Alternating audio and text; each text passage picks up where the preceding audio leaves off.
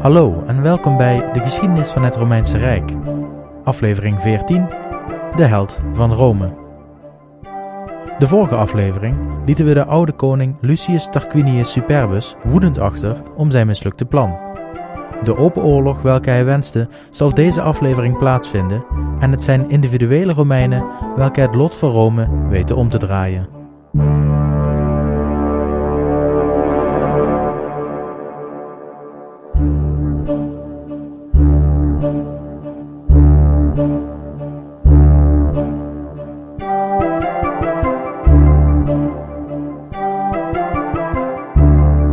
Het jaar is nog steeds 509 voor Christus en de republiek is nog geen jaar oud. Het plan van Superbus is ontdekt, zijn handlangers zijn ter dood gebracht en de landen van de koning zijn geplunderd en verwoest. De herinvoering van de monarchie was verder weg dan ooit voor Superbus en hij ziet dan ook nog maar één oplossing: de totale oorlog met Rome. Superbus besluit een rondje te maken langs de twee Etruskische steden met de meeste reden om hem te steunen in een oorlog tegen Rome. Het zijn de steden Veii en Tarquini.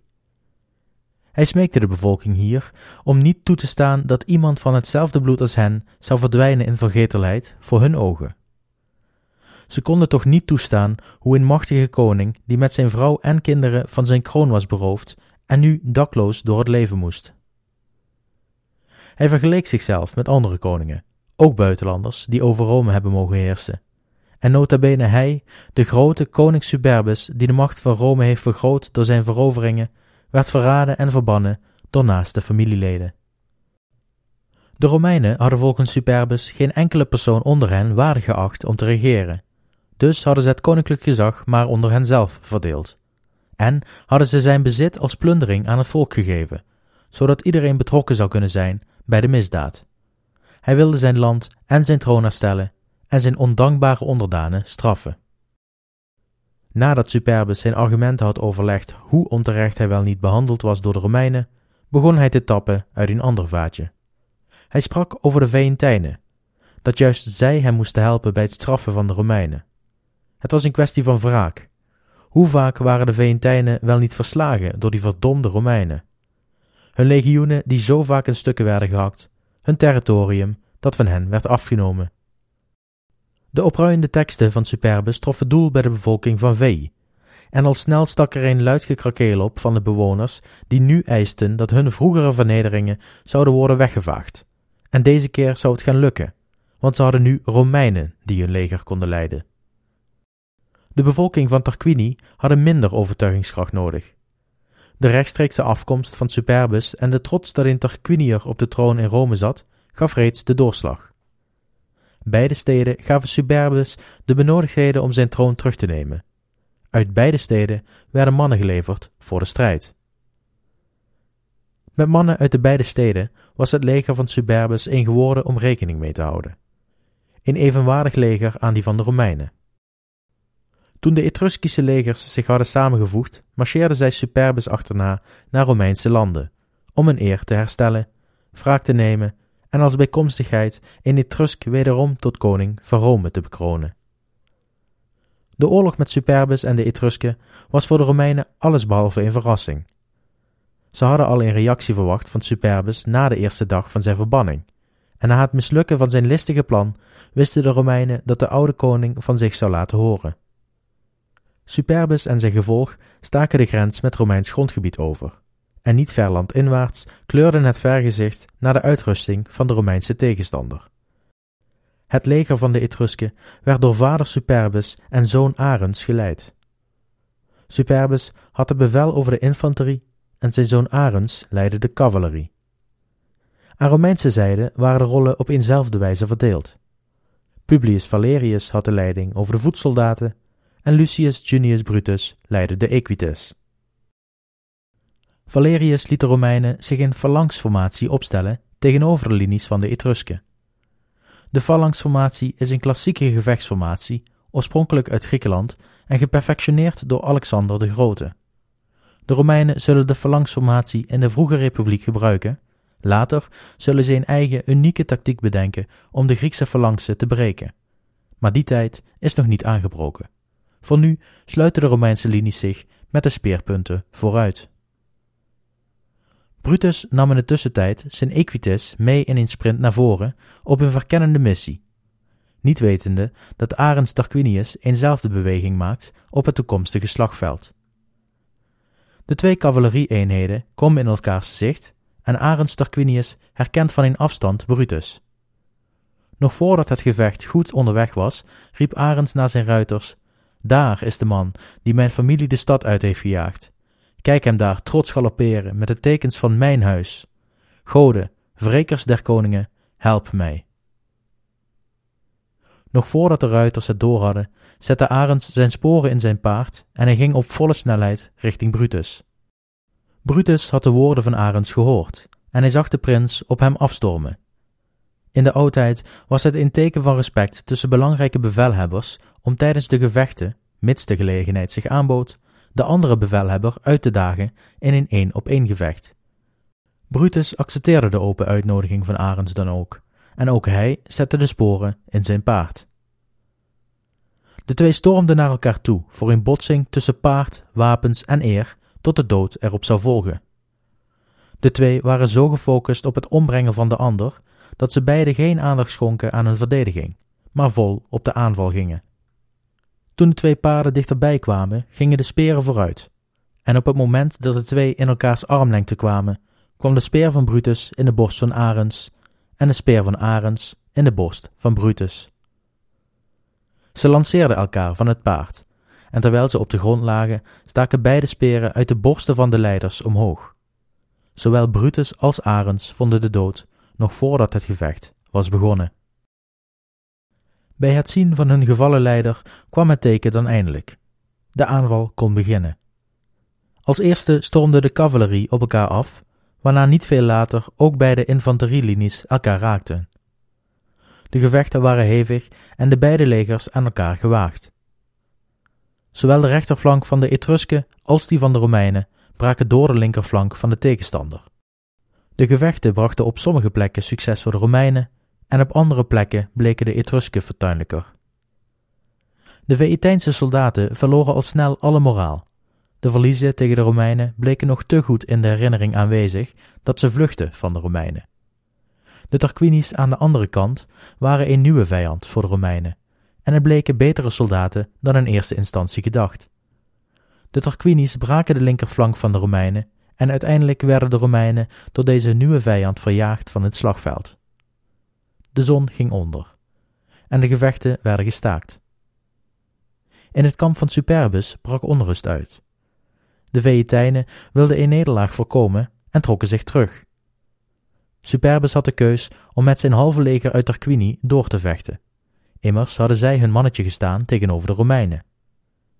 Echter koos de oude koning om met zijn leger terug te trekken en de oorlog een andere dag voor te zetten. Nu hij had bewezen dat de Romeinen niet onverslaanbaar waren, achtte hij zijn kans groot dat de Etrusken met een groter leger hem de kans wilden bieden zijn troon terug te veroveren. Bij het verdwijnen van de mist tijdens de zonsopkomst zag de laatst overgebleven consul dat het leger van de Etrusken in het diepst van de nacht was vertrokken, terug naar Etrurië. De consul Publius Valerius liet zijn soldaten het slagveld leegroven van alle waardevolle spullen welke de gevallen soldaten voor het grijpen hadden gelaten, en hij keerde terug naar Rome in triomf. Ondanks dat het gevecht wordt beschreven door Livius als zijnde gelijkwaardig, spreekt hij van een voorval dat zich zou hebben afgespeeld in het kamp van de Etrusken tijdens de nacht. Bij het raadplegen van de goden zou een stem uit het niets zijn opgekomen en de Etrusken verteld hebben dat van beide legers één soldaat meer was omgekomen van de Etrusken, en dat daarom de Romeinen als veroveraar de winst hadden genomen. De onheilspellende boodschap zou de Etrusken aan hebben gezet te vluchten om de oorlog een andere dag voor te zetten. Eenmaal terug in Rome hield Valerius voor zijn overwinning, zoals gezegd, een triomftocht. En daarnaast kondigde hij een jaar van rouw af voor de gevallen Romeinen en in het bijzonder voor Brutus. Na de oorlog was Valerius als enige consul overgebleven, en zo geliefd als Valerius was geweest bij de bevolking van Rome, zo impopulair was hij nu. Hij had niet alleen de liefde van het volk verloren, maar was ook een voorwerp van verdenking geworden, en een verdenking die van zeer ernstig karakter was. Het gerucht dat hij voor zichzelf een monarchie wilde opzetten, deed de ronde in Rome. Er was inmiddels een tijdje voorbij gegaan na het gevecht met de Etrusken en hij had nog steeds geen verkiezingen gehouden om Brutus zijn plaats te vullen. Daarnaast had hij de opdracht gegeven om een paleis te bouwen op de top van de Velia, een van de zeven heuvels van Rome. Het leek een onneembare vesting te worden op een hoge en sterke positie in de stad. Valerius werd diep geraakt door het gerucht, dat zo makkelijk en breed als waarheid werd aangenomen door de bevolking. Hij liet meteen een volksvergadering bij elkaar roepen. De mensen verzamelden zich voor de vergadering en toen Valerius binnenkwam, werden de fasces, het symbool van de macht, langzaam naar beneden gebracht. Dit was een teken van Valerius aan het volk. Het feit dat hij de fasces liet zakken bij zijn binnenkomst gaf blijk dat hij de wil van het volk hoger achtte dan zijn eigen machtspositie, en de harten van het volk werden gerustgesteld. Toen Valerius de stilte in de zaal had verkregen, stak hij van wal. Hij benoemde het geluk van Brutus, dat hij had mogen vallen in de strijd voor zijn vaderland, de hoogste eer die je iemand kon schenken, vechtend voor de staat Rome. Zijn glorie nog niet aangetast door jaloezie en wantrouwen. Valerius zelf had het gevecht overleefd. Hij had gevochten voor de staat en keerde als overwinnaar terug naar Rome. Maar de dagen van voorspoed voor hem leken voorbij. De dagen van achterdocht en onrust waren aangebroken.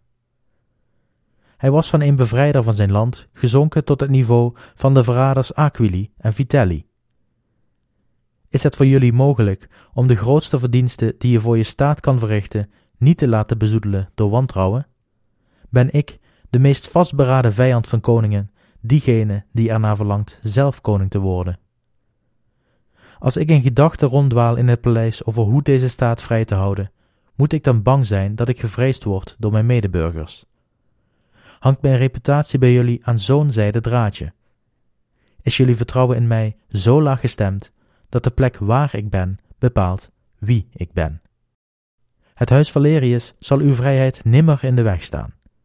Uw Velia zal veilig zijn. Ik zal mijn huis verplaatsen naar beneden, zelfs zo ver dat ik het laat bouwen aan de onderzijde van de heuvel, zodat ik nooit boven u, het volk, zal verblijven.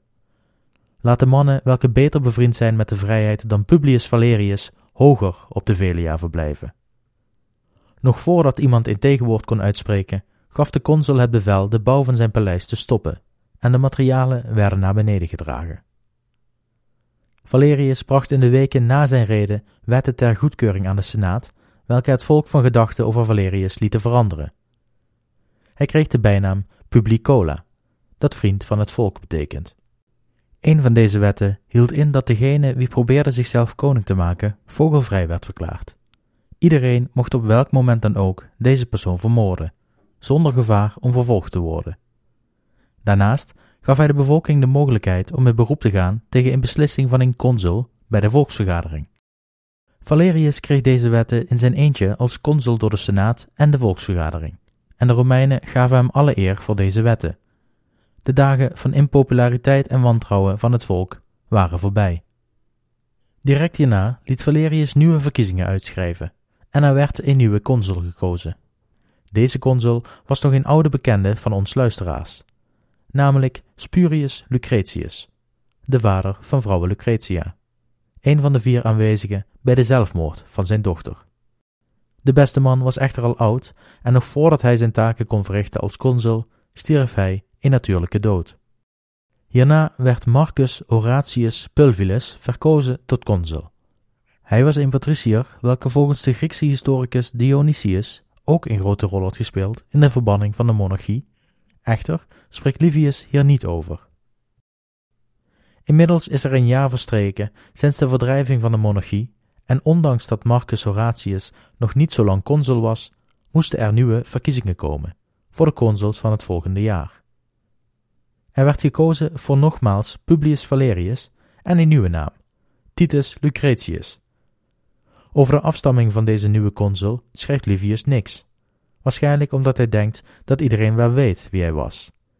Ik ga er daarom even van uit dat dit de zoon was van Spurius Lucretius en een broer van Lucretia. Ten noorden van Rome waren de voorbereidingen voor de oorlog alweer in volle gang. Na zijn terugtrekking nam Superbus zijn vlucht in de Etruskische stad Clusium. Hier was een man genaamd Porsena de koning, en Superbus probeerde hem te beïnvloeden door smeekbeden vermengd met waarschuwingen voor de Romeinen. Hij liet zijn gebruikelijke standpunten horen: iemand van Etruskisch bloed, onterecht verjaagd, etc., etc. Wat hij aan zijn pleidooi toevoegde, was dat als de vrije volkeren niet ingedamd zouden worden, het vuur van de republiek wellicht zou kunnen verspreiden naar Etrurië, en dat ook daar koningen zouden worden verbannen. Ze moesten het vuur bestrijden, net zo fel als dat het volk vocht voor de vrijheid. Ook Porsenna zwichtte voor de gespleten tong van Superbus, en hij ging akkoord om hem te helpen, enerzijds uit angst voor de verdere verspreiding van de revolutie, anderzijds omdat een Etrusk op de Romeinse troon aanzien gaf. De troepen werden verzameld en de mars naar Rome kon beginnen. Toen het woord Rome bereikte van de mars van Porsenna, brak er collectieve paniek uit in de Senaat. Nog niet eerder had de Republiek een crisis meegemaakt van deze omvang. Clusium stond in de wijde omgeving bekend als een zeer machtige stad en de koning Porsenna was berucht om zijn militaire kunde. De Republiek was in gevaar. De Senaat hadden niet alleen angst voor Porsenna, maar ook voor hun eigen volk. De naam van Porsenna zou nog wel eens de laaghartigen in de samenleving kunnen verleiden tot overgave, ook al zou dit voor hen de slavernij betekenen. Om te voorkomen dat de plebeiers in paniek de verkeerde keuzes zouden maken, poogde de Senaat hen met allerlei voordelen te overtuigen vooral niet mee te werken met de vijand en door te zetten in de te komen strijd. Toen Porsenna met zijn gevolg de Romeinse landen had bereikt, vluchtten de boeren en plattelandsmensen richting de stad. In de zwakke plekken in de verdediging van de stad werden hals over kop militaire posten opgezet. Voor de rest dachten de Romeinen dat de stadsmuur en de Tiber hen voldoende bescherming zouden bieden tegen de vijand. Dan komt nu het moment van de held van deze aflevering. Deze gewone soldaat luistert naar de naam Horatius Cocles, dat Horatius de eenoogige betekent. Horatius had zijn oog verloren in een van de vorige oorlogen. Het is niet duidelijk welke precies. Hij was een neefje van de vorige consul, Horatius Pulvillus, en men zegt zelfs dat hij een afstammeling is van een van de drie Horati, de drieling die in de oorlog met Alba Longa vochten tegen de andere drieling en wonnen. Horatius de Eenoogige was bezwaard met de taak de brug Pons Sublicius te bewaken. Dit was de eerste brug over de Tibor, gebouwd door Ancus Marcius. De brug leidde naar een stukje Rome aan de andere kant van de rivier. Dit stukje Rome was echter nog niet ommuurd en was dus kwetsbaar voor aanvallen van de tegenstander. Aan deze kant van de Tiber lag de heuvel Janiculum. Gezien Etrurië ook aan deze kant van de Tiber lag, kwam ook Porsenna, Superbus en hun leger van deze kant. Toen ze eenmaal in de buurt van Rome kwamen marcheren, liet Porsenna een kamp bouwen op een kilometer afstand van de buitenwijk van Rome. De aanval zal snel volgen. Porsenna had zijn zinnen gezet op de Pons Sublicius. De brug was onbeschermd door barrières en bood in directe verbinding over de Tiber rechtstreeks naar het hart van Rome. De volgende dag liet Porsenna de Etrusken opstellen in gevechtsformatie. Het leger van Porsenna werd aan de linkerflank aangestuurd door Tarquinius Superbus zelf. Aan de rechterkant werd het aangestuurd door Octavius Mumilius en het centrum door koning Porsenna hemzelf. De Romeinen lieten een deel van hun troepen de brug oversteken naar de Etruskische zijde van de Tiber, en ook zij stelden zich op in gevechtsformatie. In het centrum van de formatie hadden beide consuls het bevel over de troepen. Aan de linker en aan de rechterflank hadden zij het bevel overgelaten aan officieren. Een van die officieren, aan de rechterflank, stond tegenover Tarquinius Superbus. Het is onze nu nog gewone soldaat Horatius de Eenoogige, die het bevel had. Het gevecht begon. De linies van beide legers klapten op elkaar en het gevecht om de brug en indirect heel Rome was begonnen. De Romeinen vochten als leeuwen, maar de nieuwe tegenstander van de Romeinen had niet voor niets naam gemaakt in de omgeving. De Etruskische troepen hadden een numeriek overtal en er stond geen nood voor Porsenna om zijn tactische kunsten te vertonen. Hij vertrouwde op zijn aantallen. Ondanks dat de Romeinen stevig weerstand boden, bleken de tegenstanders te talrijk. In het centrum van het slagveld ging het gevecht in eerste instantie gelijk op, maar op enig moment raken de twee consuls gewond en konden zij niet meer verder vechten. Bij het zien van de gewonde consuls verdween het Romeinse moraal als sneeuw voor de zon en zowel het centrum als de linkerflank vluchtten in blinde paniek. Ze lieten de wapens vallen en sprintten met z'n allen richting de brug om de oversteek te maken naar Rome. De rechterflank van de Romeinen, onder leiding van de eenoogige, zag wat er gebeurde. En Horatius zag in dat terugtrekken geen optie was. De Romeinen konden wel vluchten over de brug, maar dit bracht hen geen veiligheid voor de vijand. Immers konden de Etrusken net zo goed de brug oversteken, en dan zouden er binnen een mum van tijd meer Etrusken op de Palatijn zijn dan nu wel op de Janiculum. Het lukte Horatius nog om de linkerflank van de Etrusken onder leiding van Superbus terug te duwen. Maar de dreigende omsluiting van zijn troepen door zijn numerieke nadeel kon niet langer genegeerd worden. Ook zijn troepen begonnen de moed te verliezen. Ook zij lieten hun uitrusting vallen en maakten zich zo snel mogelijk richting de brug. Horatius kon zijn oog niet geloven. Hij verweet hen lafhartigheid en hij riep aan iedereen om direct een einde te maken aan hun schandelijke aftocht. Hij riep tot de goden, zoals Romulus dat voor hem ook had gedaan, en zei dat het te vergeefs was om veiligheid te zoeken aan de andere kant van de brug, wanneer zij die brug open zouden laten voor de vijand. Het was tegen Dovermans oren gericht. Horatius wist dat als de brug open bleef, de stad zou vallen. Wat hij toen deed, zal hem voor altijd in plek in de geschiedenisboeken geven, alsmede in de spreekwoordenboeken.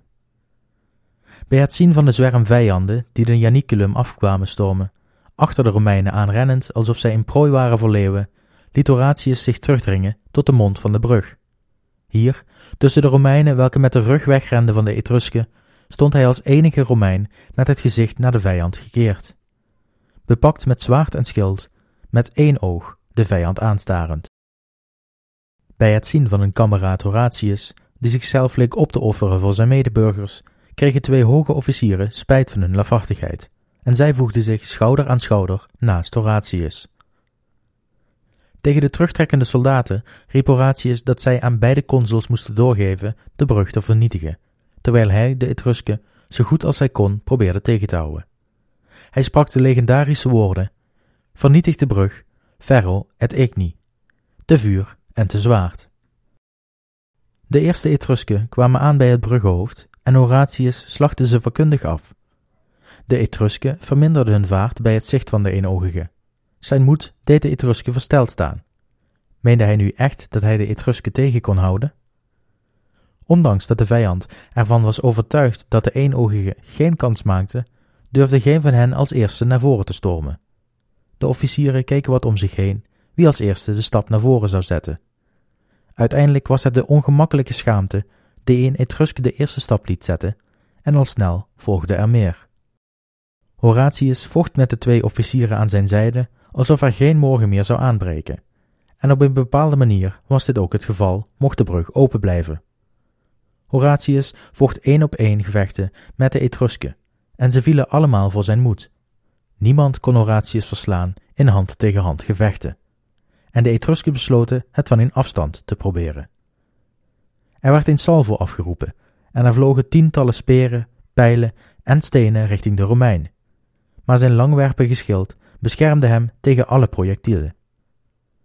Toen de brug bijna vernietigd was, riepen de soldaten aan de andere kant dat ze moesten terugtrekken. Horatius beviel zijn officieren, welke hoger in rang waren dan hemzelf, te maken dat ze wegkwamen en de brug te vernietigen.